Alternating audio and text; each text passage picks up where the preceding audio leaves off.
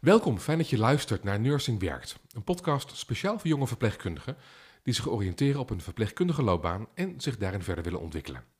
Mijn naam is Basti Baroncini en in deze podcastserie interview ik voor Nursing verschillende deskundigen met als centrale vraag: hoe sta ik sterk in mijn werk? In deze aflevering praten we over gezondheidsrecht. Alle juridische dingen die voor jou als beginnend professional relevant zijn om je werk goed te kunnen doen. We praten over goede verslaglegging, het bewaken van je bevoegdheid en bekwaamheid en we praten over de gang van het tucht- en strafrecht als er onverhoopt toch iets misgaat. Vandaag ga ik in gesprek met Lydia Jansen. Zij is, zoals ze dat noemen, meester in het recht en als juriste gespecialiseerd in het gezondheidsrecht. Ze verzorgt allerlei nascholingen en ze schreef een goed boek genaamd Gezondheidsrecht Begrepen. Lydia, welkom, fijn dat je er bent. Dankjewel. Ik kan me voorstellen dat sommige luisteraars uh, deze aflevering het liefste overslaan.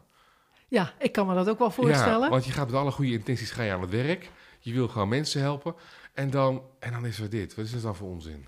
Ja, je wilt gewoon mensen helpen en dat betekent dat je het zorgvuldig wilt doen. Ja. En uh, de regels van het gezondheidsrecht die helpen je eigenlijk bij sterk te staan in je werk. Het zorgvuldig en goed te doen. Uh, en het geeft ook patiënten duidelijkheid over wat ze van een verpleegkundige kunnen verwachten. Als ik jou zeg, dat had ik niet verwacht. Je zegt, het helpt jou als verpleegkundige. Ja. Um, Op wat voor manier dan? Nou, je, um, uh, do door de regels van het recht, die als het ware in je opleiding ook ingeslepen zijn, zonder dat er altijd gezegd is dat het recht is. Bijvoorbeeld toestemming vragen voor een behandeling. Mm -hmm. Van tevoren uitleggen wat je gaat doen bij een patiënt. Dat, dat hoort bij fatsoenlijk werk, bij zorgvuldig werk. Maar uiteindelijk liggen die regels ook vast in het gezondheidsrecht. Ja. Waarschijnlijk vind je het ook normaal dat een uh, patiënt zijn dossier in kan zien als hij dat zou willen. Ook dat is een regel uit het recht. Maar er zijn een heleboel beroepen op deze wereld en daarvan zijn een heleboel dingen uh, normaal. Iedereen maakt fouten, altijd en overal. Waarom moet dan bij deze groep uh, speciaal de wet, het gezondheidsrecht, ingeschakeld worden? Uh, ik denk dat dat komt omdat, we, uh, omdat als we ons wenden tot medisch behandelaars, dus verpleegkundigen, artsen, chirurgen, fysiotherapeuten, mm. dan zijn we op ons meest kwetsbaarst. He, we, onze gezondheid is toch een heel kostbaar goed. En, um, dus het belang is groter. Het belang is groot en je bent kwetsbaar. En het is niet zozeer van dat je, ja, je moet beschermd worden als patiënt, maar de verpleegkundige moet ook beschermd worden. Die moet ook weten van, nou, dit en dat kan wel van mij verwacht worden en dat niet. Klassiek voorbeeld hiervan is dat um, uh, je kunt een patiënt niet garanderen dat hij beter wordt. Hmm. Dus mensen hebben soms overspannen verwachtingen. En als het dan niet helpt, de behandeling, dan willen ze gaan klagen. Of dan denken ze dat de verpleegkundige het niet goed gedaan heeft of de arts. Maar dat is lang niet altijd zo. En de wet zegt ook, uh, het gaat erom dat de arts, verpleegkundige, zich tot het uiterste heeft ingespannen om je te genezen. Maar resultaat kan van een uh, arts-verpleegkundige niet verwacht worden. In jouw boek, wat hier ook voor ons ligt, Gezondheidsrecht begrijpen, daar schrijf je volgens mij ook dat alleen met empathie en gevoel gaat het mis. Maar alleen aan de regels houden en je als een hork gedragen, dan gaat het ook mis. Leg dat eens uit. Ja, dat klopt. Uh, met empathie en gevoel is buitengewoon belangrijk. Maar ja, hier geldt toch wat in zoveel gevallen geldt, een warm hart en een koel hoofd. Dus en dat geldt voor de medisch, medische, technische dingen. Uh, en maar natuurlijk ook van, oh ja, ik kan het wel heel vervelend vinden dat die patiënt erop staat dat hij zijn dossier in wil zien. Of ik kan dat wantrouwend vinden. Maar met mijn koele hoofd weet ik gewoon, daar heeft hij recht op. Maar uh, als je je als alleen je, aan de regels Als je alleen maar laat leiden door, uh, oh, doe ik het wel volgens de regels. Of ik wil niet voor de tuchtrechter komen. Dan word je, denk ik, geen goed verpleegkundige. Maar als je roept van, ik doe het allemaal uit mijn hart, want ik ga gewoon voor de patiënt. Dan zien we ook wel dingen helemaal fout gaan. Omdat je dan geen afstand meer hebt en het koele hoofd verliest. Goed, daarover gaan we straks uitgebreid verder praten, Lydia. Uh, jij hoort straks in deze podcast wat de risico's zijn rondom dossiervorming en je hoort over de grenzen van het beroepsgeheim. Want onder voorwaarden is dat niet helemaal zwart-wit. Maar eerst gaan we luisteren. Ik wil je graag voorstellen aan Maaike en Niels, twee jonge verpleegkundigen, die we elke aflevering vragen naar hun ervaring met het onderwerp. Maaike Niels, hartelijk welkom. Hey Basti. Fijn dat jullie aan de telefoon hangen weer. We hebben het vandaag, uh, het is wel een moeilijke aflevering, we hebben het over het gezondheidsrecht. En ik ben eventjes benieuwd om te beginnen. Hebben jullie het idee dat je uh, altijd voldoende weet uh, waar je aan gebonden bent, waar je je aan te houden hebt? Of ben je wel eens onzeker? Maaike? Kort en krachtig, nee. Ik heb het gehad tijdens de verpleegkundeopleiding. En ik denk dat op het moment dat ik afgestudeerd was, ik het heb laten vallen. Was toen wel echt, denk ik, in de eerste jaren heel erg bang dat ik een fout zou maken en ook voor die tuchtrechter zou komen. Maar hoe meer ervaring je krijgt, hoe meer je ook doorhebt van ja, alles heeft een dubbelcheck.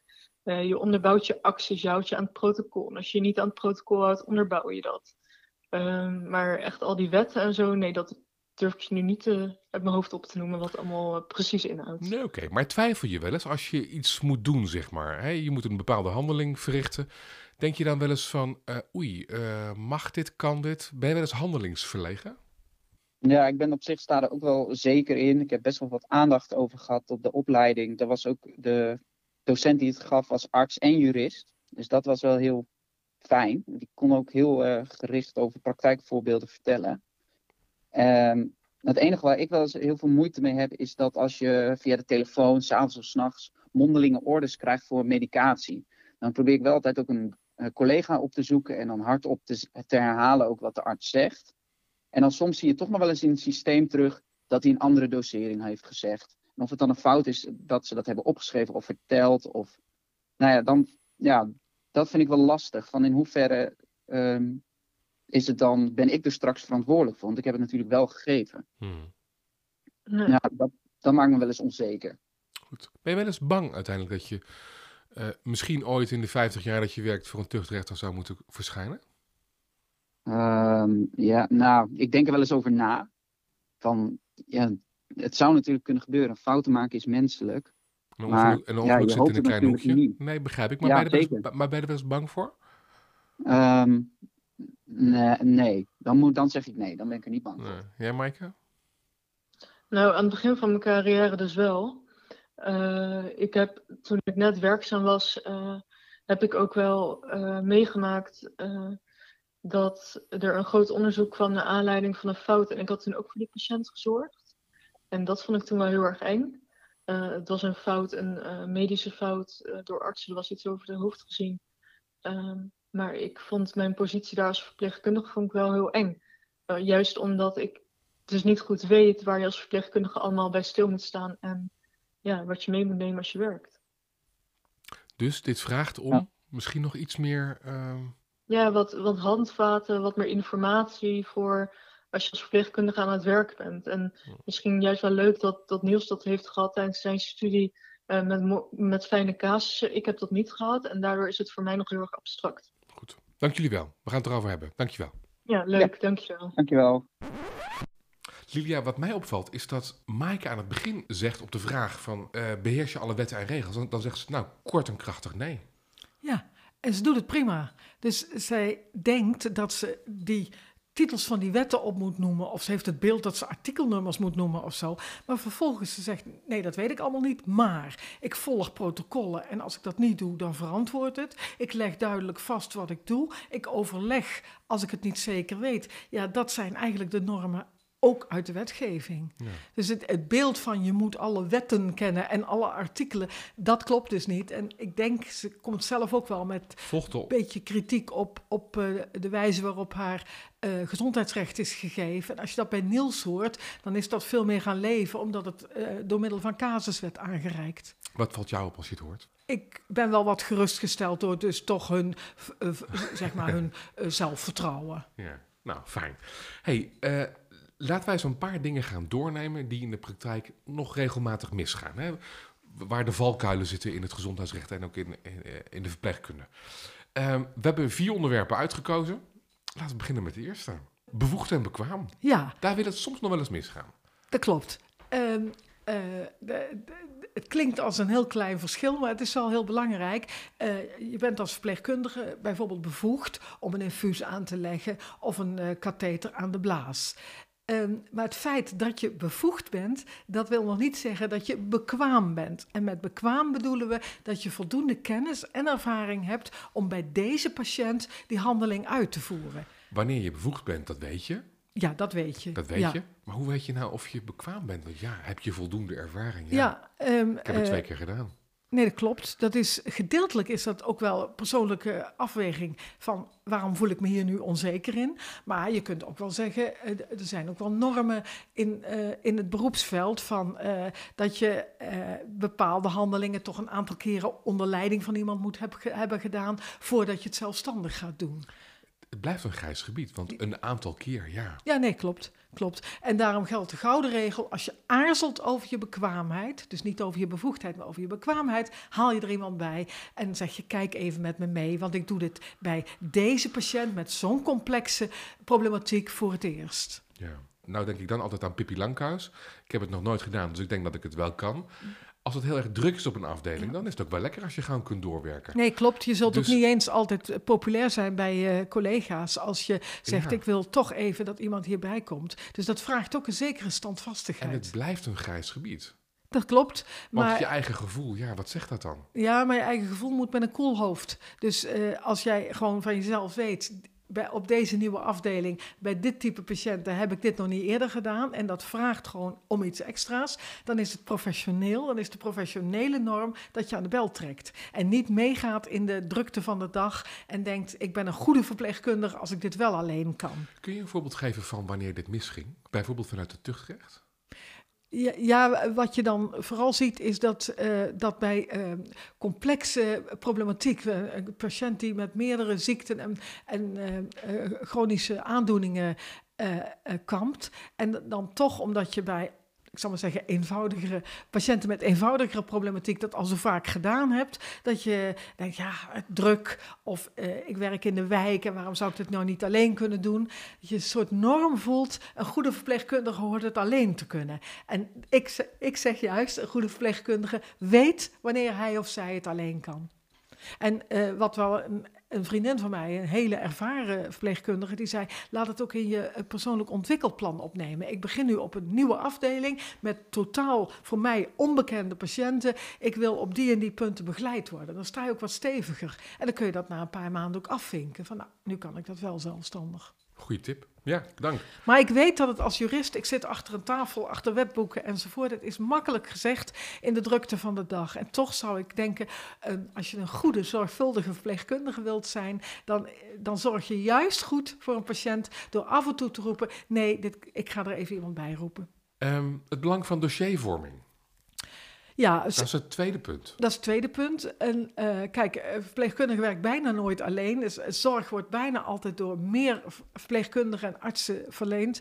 Daarom is het ongelooflijk belangrijk dat je het dossier goed bijhoudt, zodat als jij als jouw dienst erop zit, dat uh, degene die uh, jouw dienst overneemt weet wat er gebeurd is. Dus nou ja, het zal helder zijn dat het daarom belangrijk is om dossier goed, goed, uh, goed alle dingen vast te leggen.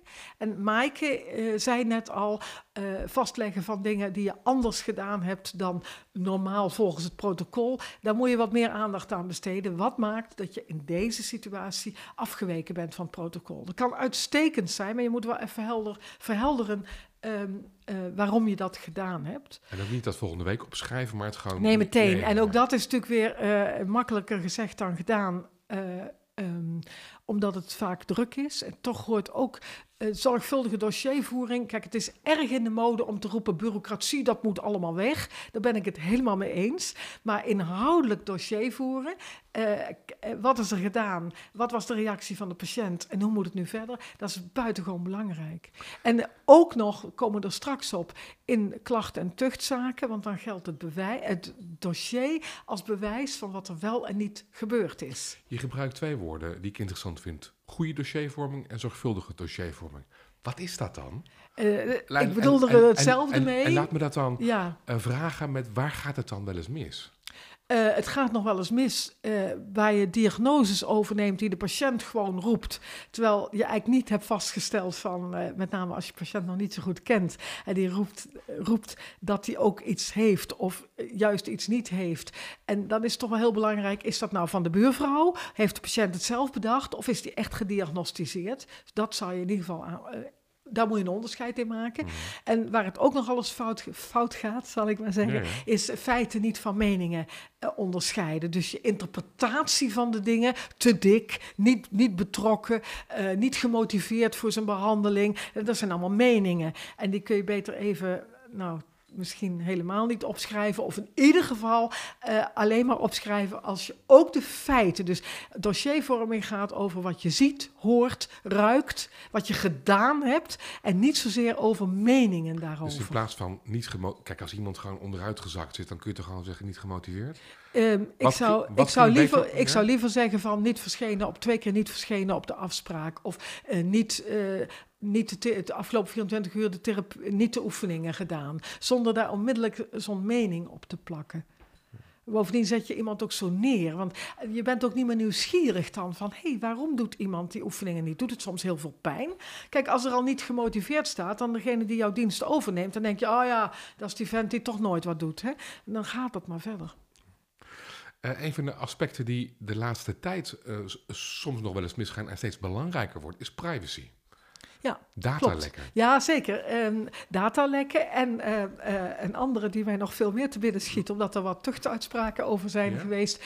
Uh, verpleegkundigen die hun nieuwsgierigheid niet kunnen bedwingen, die hebben vaak toegang tot heel veel dossiers. En de gouden regel is natuurlijk, je verschaft je alleen toegang, los van wat je technisch kan, tot de dossiers van patiënten die je ook nu behandelt. Maar dan zie je de Ehm, de, de, ex van je huidige vriend binnenkomen in het ziekenhuis. En dan kun je je nieuwsgierigheid niet bedwingen om te kijken wat er met die ex aan de hand is. Of een reality ster. Uh, precies, er komt een, uh, een bekende Nederlander binnen en uh, je gaat toch even uitzoeken waarom die nou weer in het ziekenhuis terechtkomt. Er zijn mensen voor ontslagen, hè? want dit wordt als een zware schending gezien van niet zomaar een fout, maar opzettelijk ja, de gezondheidstoestand van iemand uh, bekijken, terwijl je geen niets mee te maken hebt, omdat je niet bij de behandeling van deze patiënt betrokken bent.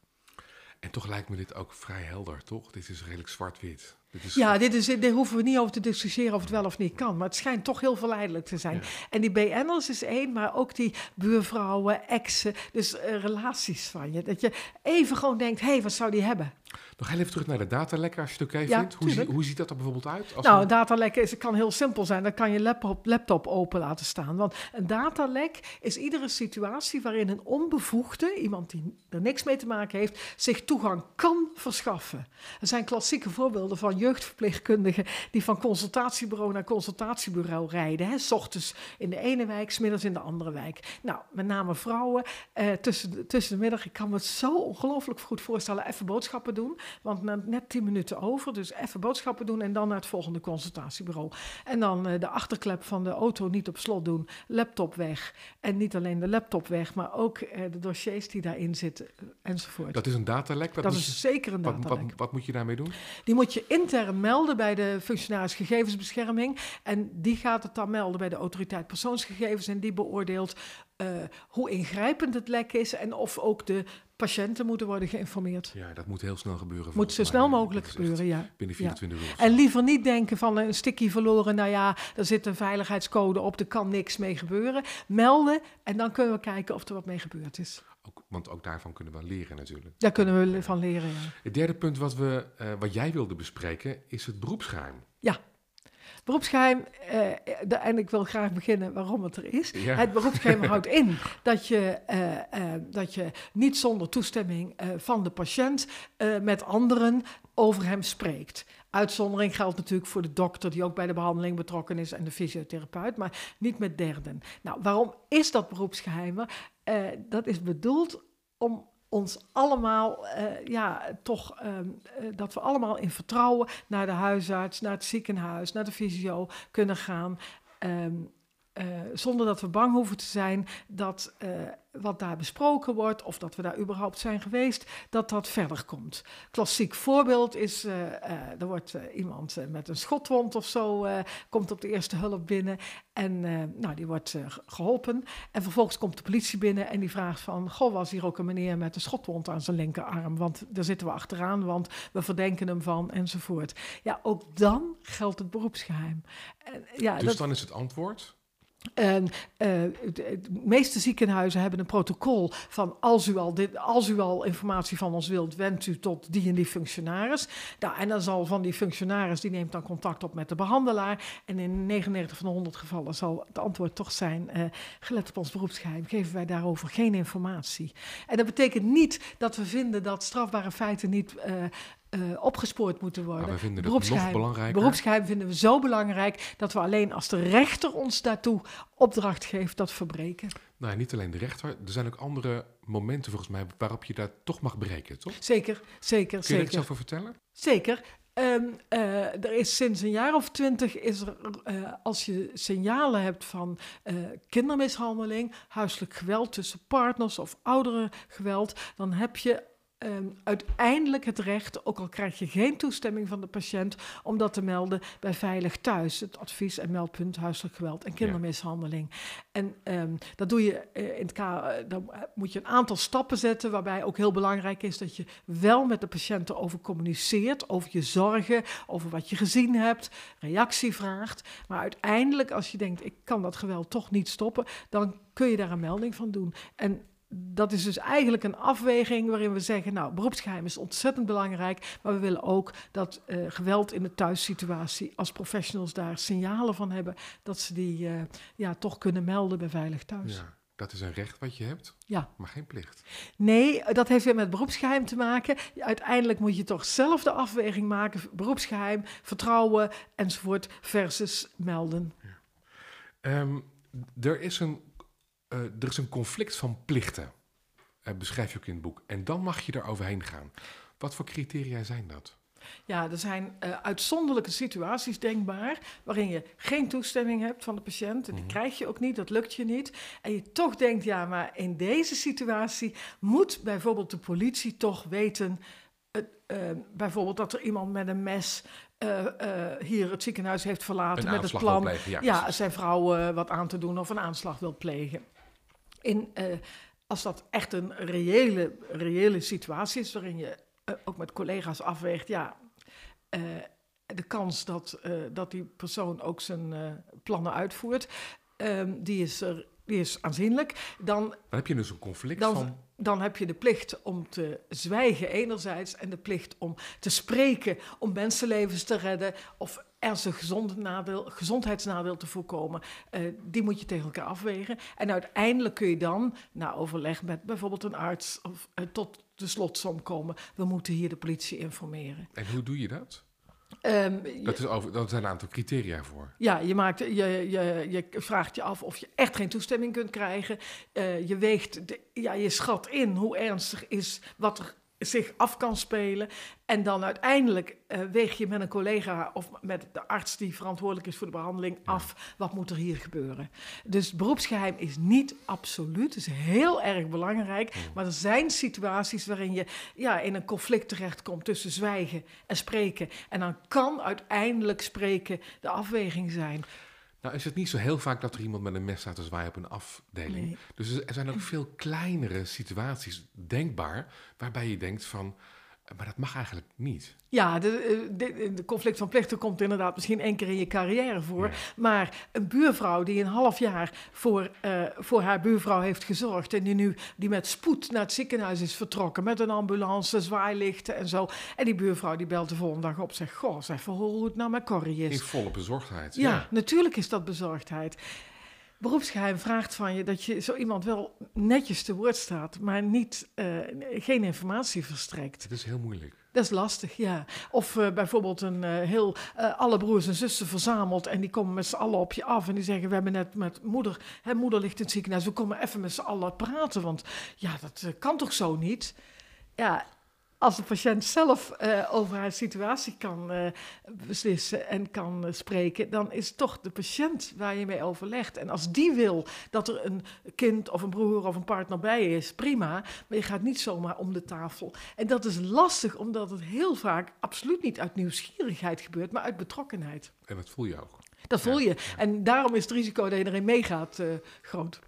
Zeg, eh, een vierde punt wat je, wat je wilde aanstippen, waar het, nog, waar het echt nog wel eens misgaat en misschien nog steeds vaker misgaat, is uh, ouder en gezag. Ja, ehm, voor eh, kinderen tot 16 jaar is toestemming voor een behandeling, hè, injectie of welke behandeling dan ook, van de ouders die gezag hebben nodig. Ja. Ehm, En in beginsel van beide gezaghebbende ouders. Nou is het wel zo dat voor gebruikelijke behandelingen, niet ingrijpend, uh, niet heel bijzonder, dat je daar met de toestemming van één gezaghebbende ouder kunt volstaan. Waarbij voor operaties, doorverwijzingen naar een psycholoog, um, andere bijzondere behandelingen heb je echt de toestemming nodig van twee gezaghebbende ouders.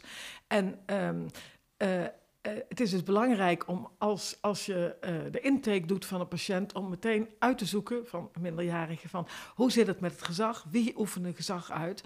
En uh, daar ook een beetje, zeker als mensen gescheiden zijn, toch attent op te zijn. De kans dat ze alle twee gezag hebben, ouders, ook als ze gescheiden zijn, is ongelooflijk groot, 92 procent. Ja, want eventjes heel praktisch, je hebt gewoon vaak te maken met een moeder die daar zit met een kind. Ja. En moeder die wil wel een beslissing nemen. Ja, dat klopt. Maar dan is de vraag of dat ook wel mag. Ja, bij uh, ja, gewone behandelingen zou dat kunnen. Maar als het wat ingrijpender is, dan moet je daar toch echt even op doorvragen. Van, uh, oh, is er ook een vader? Ja, dan is de kans dat hij gezag heeft vrij groot. Dus niet te makkelijk. Kijk, je, je hebt geen detectivebureau, je kunt niet alles uitzoeken. Maar niet te makkelijk meegaan in een een ouder die over de ander vertelt dat hij niet betrokken zou zijn of uit beeld. het gaat erom of hij nog gezag heeft. En na een scheiding, in 92% van de gevallen, hebben beide de ouders nog gezag. Dus de kans dat iemand alleen gezag heeft, is gewoon, die kan, dat bestaat, maar het is niet zo heel groot. Dus daar moet je niet te makkelijk in meegaan. En er is echt een emancipatie van die tweede gezaghebbende ouder aan de gang, eh, waarbij rechters ook ja, die tweede ouder in het gelijk stellen, zeggen, goh, ik ben er helemaal niet bij betrokken geweest. Goed, Lilia, dan gaat het mis. Toch, ondanks alle goede intenties en alle uh, ja, zorg om het goed te willen doen. Je maakt een fout, een stevige fout en een patiënt die ondervindt uh, ja, toch serieuze schade van jouw handelen. Wat zijn dan de opties? Um, nou, de in de meest milde variant, laten we daar Nou ja, de allerminste variant is dat je excuses aanbiedt en dat de patiënt zegt, dat kan gebeuren. Ja. Het vindt heel vervelend uh, en dat hij het daarbij laat. Ja. En het is belangrijk om te zeggen dat volgens mij, ik heb er nooit onderzoek naar gedaan, maar als je al die interacties van alle medisch behandelaars met patiënten ziet, dan is waarschijnlijk in 95% van de gevallen is dit de oplossing. Maar nou kijken we... En voldoende. Ja. En voldoende, ja. Nou kijken we naar de, de formelere uh, ja. uh, wijze als er onvrede is. Om te beginnen moet iedere zorginstelling een onafhankelijke klachtenfunctionaris hebben. En uh, die is er eigenlijk op gericht om onvrede zo snel mogelijk de wereld uit te helpen. En zo informeel mogelijk. Dus die patiënt die gaat naar die klachtenfunctionaris toe of wordt daarnaar verwezen omdat iemand opvangt dat hij toch ontevreden is en zo'n gesprek alleen met een verpleegkundige of een arts onvoldoende vindt. Um, die klachtfunctionaris zoekt die patiënt op, hoort wat hij wil, wat er aan de hand is, zoekt ook contact met de verpleegkundige of de arts en uh, probeert ze dan bij elkaar te brengen om te kijken of de onvrede de wereld uit kan. Want vaak is er een misverstand en ja, dan kun je gewoon ja, aan elkaar Ja, of zijn er toch geen excuus aangeboden, terwijl dat toch eigenlijk wel gepast was geweest, of Emoties ja, ja, lukt dat niet, dan kun je ook, uh, zegt nou, dat gesprek dat levert niet voldoende op naar het oordeel van de patiënt. En dan kan die zich tot de klachtencommissie van de instelling wenden. Die klachtencommissie uh, die bestaat uit mensen die niet, geen deel uitmaken van het ziekenhuis. En daar kan hij dan zijn klacht neerleggen. Um, vaak helpt dan het feit dat hij het allemaal mag vertellen, dat daar een groepje mensen zit die naar hem luistert, dat de verpleegkundige ook zijn haar verhaal kan vertellen. En dan komt daar een oordeel uit. Is de klacht gegrond? Heeft de klager gelijk of niet? En in uitzonderlijke gevallen kan er ook tot 25.000 euro schade toege schadevergoeding toegekend worden als er echt aantoonbare schade is geleid. Nou, dit is allemaal nog licht, zal ik maar zeggen. Uh, zou er nou echt hele ernstige schade zijn? Is er bijvoorbeeld na een operatie ja, een been afgezet terwijl dat niet gemoeten had? Of, of nou ja, echt door een fout veroorzaakt? Dan kan het zijn dat iemand gewoon zegt: Ja, daardoor kan ik mijn werk niet meer doen. Of daardoor ben ik een jaar uitgeschakeld geweest. Dan is er gewoon ook gewoon schade in geld geleden. Ja, daar is dan de burgerlijke rechter eigenlijk voor. En op dat punt heb ik goed nieuws, want um, ziekenhuizen, de werkgever, draagt over het algemeen gesproken, terwijl, tenzij je zo buiten je boekje bent gegaan, dat we het niet over hoeven te hebben, draagt de schade van, die gemaakt wordt, door, die veroorzaakt wordt door fouten die werknemers of ZZP'ers die in het ziekenhuis werken uh, uh, uh, veroorzaken. Dus ik hoef mij daar niet voor te verzekeren? Nee, Dat is daar, daar, daar is, de is het ziekenhuis of de werkgever voor Ja. verzekerd. Ja. Eh, over het tuchtrecht komen we dan zo, zo, zo dadelijk nog te, nog te spreken. Het strafrecht? Ja, het strafrecht is heel spectaculair. En als je eh, naar de televisie kijkt, dan lijkt dat wel de enige vorm van het recht te zijn. Maar het strafrecht is ja, nauwelijks aan de orde in de medische wereld. Tenzij je een zedenmisdrijf pleegt met een patiënt. Maar daar hoeven we het denk ik niet over te hebben. Of diefstal. Hè, maar voor, voor medisch, dingen die medisch niet goed gegaan zijn, die beter gemoeten hadden, waarbij geen opzet in het spel is, ja, daar is strafrecht geen middel. Goed, gaan we naar het tuchtrecht toe. Ja. Eh, in het boek zag ik een hele mooie casus, ook van hoe genuanceerd het kan zijn en hoe, en hoe klein het verschil kan zijn van wat goed en wat niet goed is voor een tuchtrechter. Er is een eh, verpleegkundige die belt met de politie van, joh, er loopt een patiënt nu de deur uit en die heeft echt te veel alcohol gedronken. Ik heb hem ertoe proberen te bewegen, niet de weg op te gaan, maar hij gaat wel de weg op. En daar is, is daarmee met die alcohol op een gevaar voor de samenleving. De politie haalt die man van de weg. Eh, en heeft nog wat extra vragen. De verpleegkundige beantwoordt die. En alleen voor dat tweede wordt hij dan veroordeeld. Ja, dat heeft te maken met eh, in dat conflict van plichten waar we het net over hadden tussen eh, spreken en zwijgen, zegt de tuchtrechter. Je hebt een goede afweging gemaakt. ehm, In de bij- eerste situatie. in de eerste situatie, want iemand met veel te veel alcohol op, op de weg, dat, dat, die kan ernst, er is echt een aanzienlijk risico op ernstige schade. Ehm, maar Dus dat mocht. daar heeft hij een goede afweging gemaakt, die verpleegkundige. Dat was, dat was goed. Ehm, en toen is hij in die flow van. Het, eh, het goede doen. ja, hij, hij deed het goede. Toen werd hij opgebeld van... joh, kan je nog even wat meer vertellen over die patiënt? politie, ja. En daarvan zegt de tuchtrechter... ja, dat, dat, dat, daar zat je niet meer in die... Dat, nou, het is eigenlijk wel een goede les. Van ook als je dus besluit, ik moet spreken... dan moet je nog bedenken, wat moet ik zeggen? En eh, in het tweede deel ging die medische informatie over de patiënt geven... waarvan je niet kon zeggen dat dat meer bedoeld was... om ernstige schade aan de samenleving te voorkomen. Ja. Dus zo genuanceerd kan het, kan het eh, zijn. Hoe vaak komt dit voor in Nederland? Eh, Nou, een tuchtzaak Ja, verpleegkundigen? algemeen verhaal is iedereen klaagt maar, enzovoort, enzovoort. En dat is denk mee, ik toch? absoluut niet eh, het geval. Als je weet dat er ehm 215.000 verpleegkundigen in het BIG-register staan. Die hebben natuurlijk allemaal veel meer dan één patiëntencontact. En er zijn zo'n 85 tuchtzaken per jaar gericht tegen verpleegkundigen. Dat is 85 keer een drama, dat wil ik ook niet onderschatten. Maar je kan nou ook weer niet zeggen dat dat iedere dag voorkomt bij alle verpleegkundigen. Hoe vaak leidt dat ook tot, ook tot een veroordeling? Eh, we weten in het algemeen dat eh 12% van de klachten tegen medisch behandelaars wordt gegrond verklaard. Dus dat is, ik vind dat nou bijna zorgelijk. Want nou, iemand heeft dan dat hele proces doorlopen, heeft alles op papier gezet, ge- meent echt een zaak te hebben. En dat hij dan in 88% van de gevallen de patiënt afgewezen wordt, dat is nogal wat. Hè? Ja, als je het kijkt vanuit de verpleegkundige, dan denk je... dan zit je eigenlijk aan de veilige kant. Natuurlijk, dat wilde ik eh, zeker ook zeggen. Maar eh, ik wil toch ook wel. Ja, ik heb ook wel behoefte aan om te zeggen. mensen die dat hele proces doorlopen. Vraagt ja, dat, wat, eh, ja. daar mag je, mag je ook wel wat van vinden. Maar inderdaad, er is, eh, eh, als je die 85 zaken en 215.000 biggers, plus dan nog eens het aantal. Ja, Wat toetst een, een, een, een tuchtrechter? Nou, om te beginnen, dat staat boven iedere uitspraak, niet of het handelen nog beter had gekund. Er hoeft, je hoeft geen volmaakte verpleegkundige te zijn. Maar eh, de, de, de vraag is, voldoe je, heb je voldaan met je handelen aan wat van een eh, eh, goed functionerende verpleegkundige mag worden verwacht. En daarbij neemt de tuchtrechter dan in acht dat het druk was, dat je alleen op de afdeling stond, weet ik veel allemaal. Hè? Dus het is niet een soort modelplaatje van heb je wel aan alle volmaakte eisen voldaan. Nee, meer of je zorgvuldig hebt gehandeld. Ja, zorgvuldig heb gehandeld zoals je van een goed verpleegkundige in deze situatie had mogen verwachten. Als je daar nou eens van een afstandje naar kijkt, hè, want je hebt wat tuchtuitspraken heb je ook gelezen. Wat is dan de gemene deler waarvoor mensen dan vervolgd worden? En ook veroordeeld worden? Waarvan het, het, eh, een van hun handelingen, van al die handelingen, dat daarover een klacht gegrond verklaard Mag ik een wordt. suggestie doen wat de gemene deler is? Gebrek aan communicatie uiteindelijk. Ja, ik denk dat, eh, dat eh, waarom leidt het tot een klacht? eh, dat dat te maken heeft met eh, ja, wat we dan noemen bejegening, communicatie, ehm, ehm, eh, niet, niet voldoende aandacht besteden aan een teleurstelling of een verwachting van de patiënt, ehm, of toch zelf te kort afgereageerd. Ik denk zelf dat heel veel klachten kunnen worden voorkomen.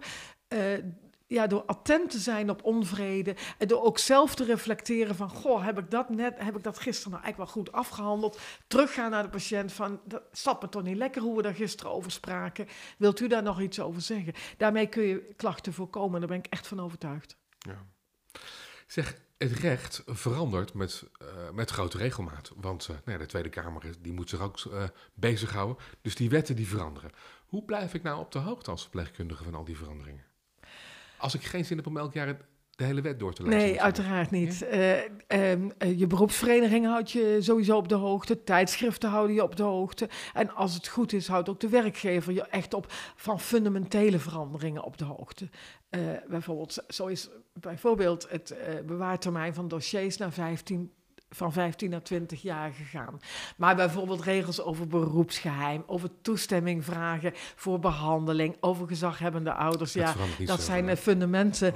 eh, en eigenlijk moet je zeggen, als je eh, je aan de protocollen houdt die gelden. En als je afwijkt, daar een aantekening over maakt in het dossier waarom je dat hebt gedaan.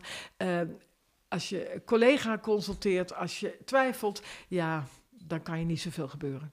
Goed. We hebben van tevoren gezegd, we gaan onze luisteraars niet het hele wetboek voorlezen en ook niet alle jurisprudentie ooit. Nee. Het hoeft ook helemaal niet. Welke drie basisadviezen zou je mensen nou mee willen geven waar ze de rest van hun carrière eh, mee vooruit kunnen als het gaat om het recht? Als je voor een moeilijke beslissing staat, consulteer een collega. Dat is ook als het druk is. eh, eh, vraag, vraag wat een collega ervan vindt. Je hoeft het niet eens te worden, maar eh, die collega helpt je even om nog een keer goed na te denken over: moet ik het wel zo doen? Het is dus niet gericht op een compromis, Nee, maar het is gericht om dat er aan jouw overtuiging, de beslissing die je denkt te gaan nemen, dat daar even aan gerammeld wordt. Van klopt het wel, kloppen je veronderstellingen wel eh, en eh, neem ik wel het goede besluit.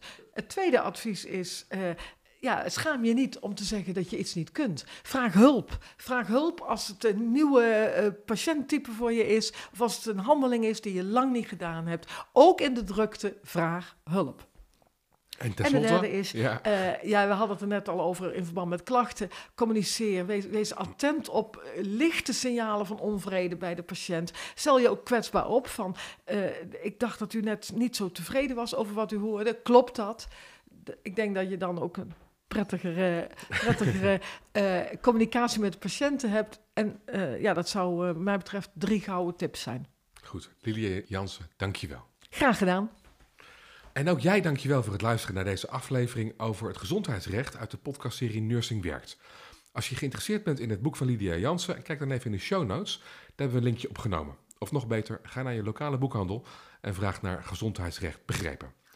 Wil je trouwens meer afleveringen van Nursing Werk luisteren? Abonneer je dan op deze podcast in je favoriete podcast-app of kijk op nursing.nl/slash podcast.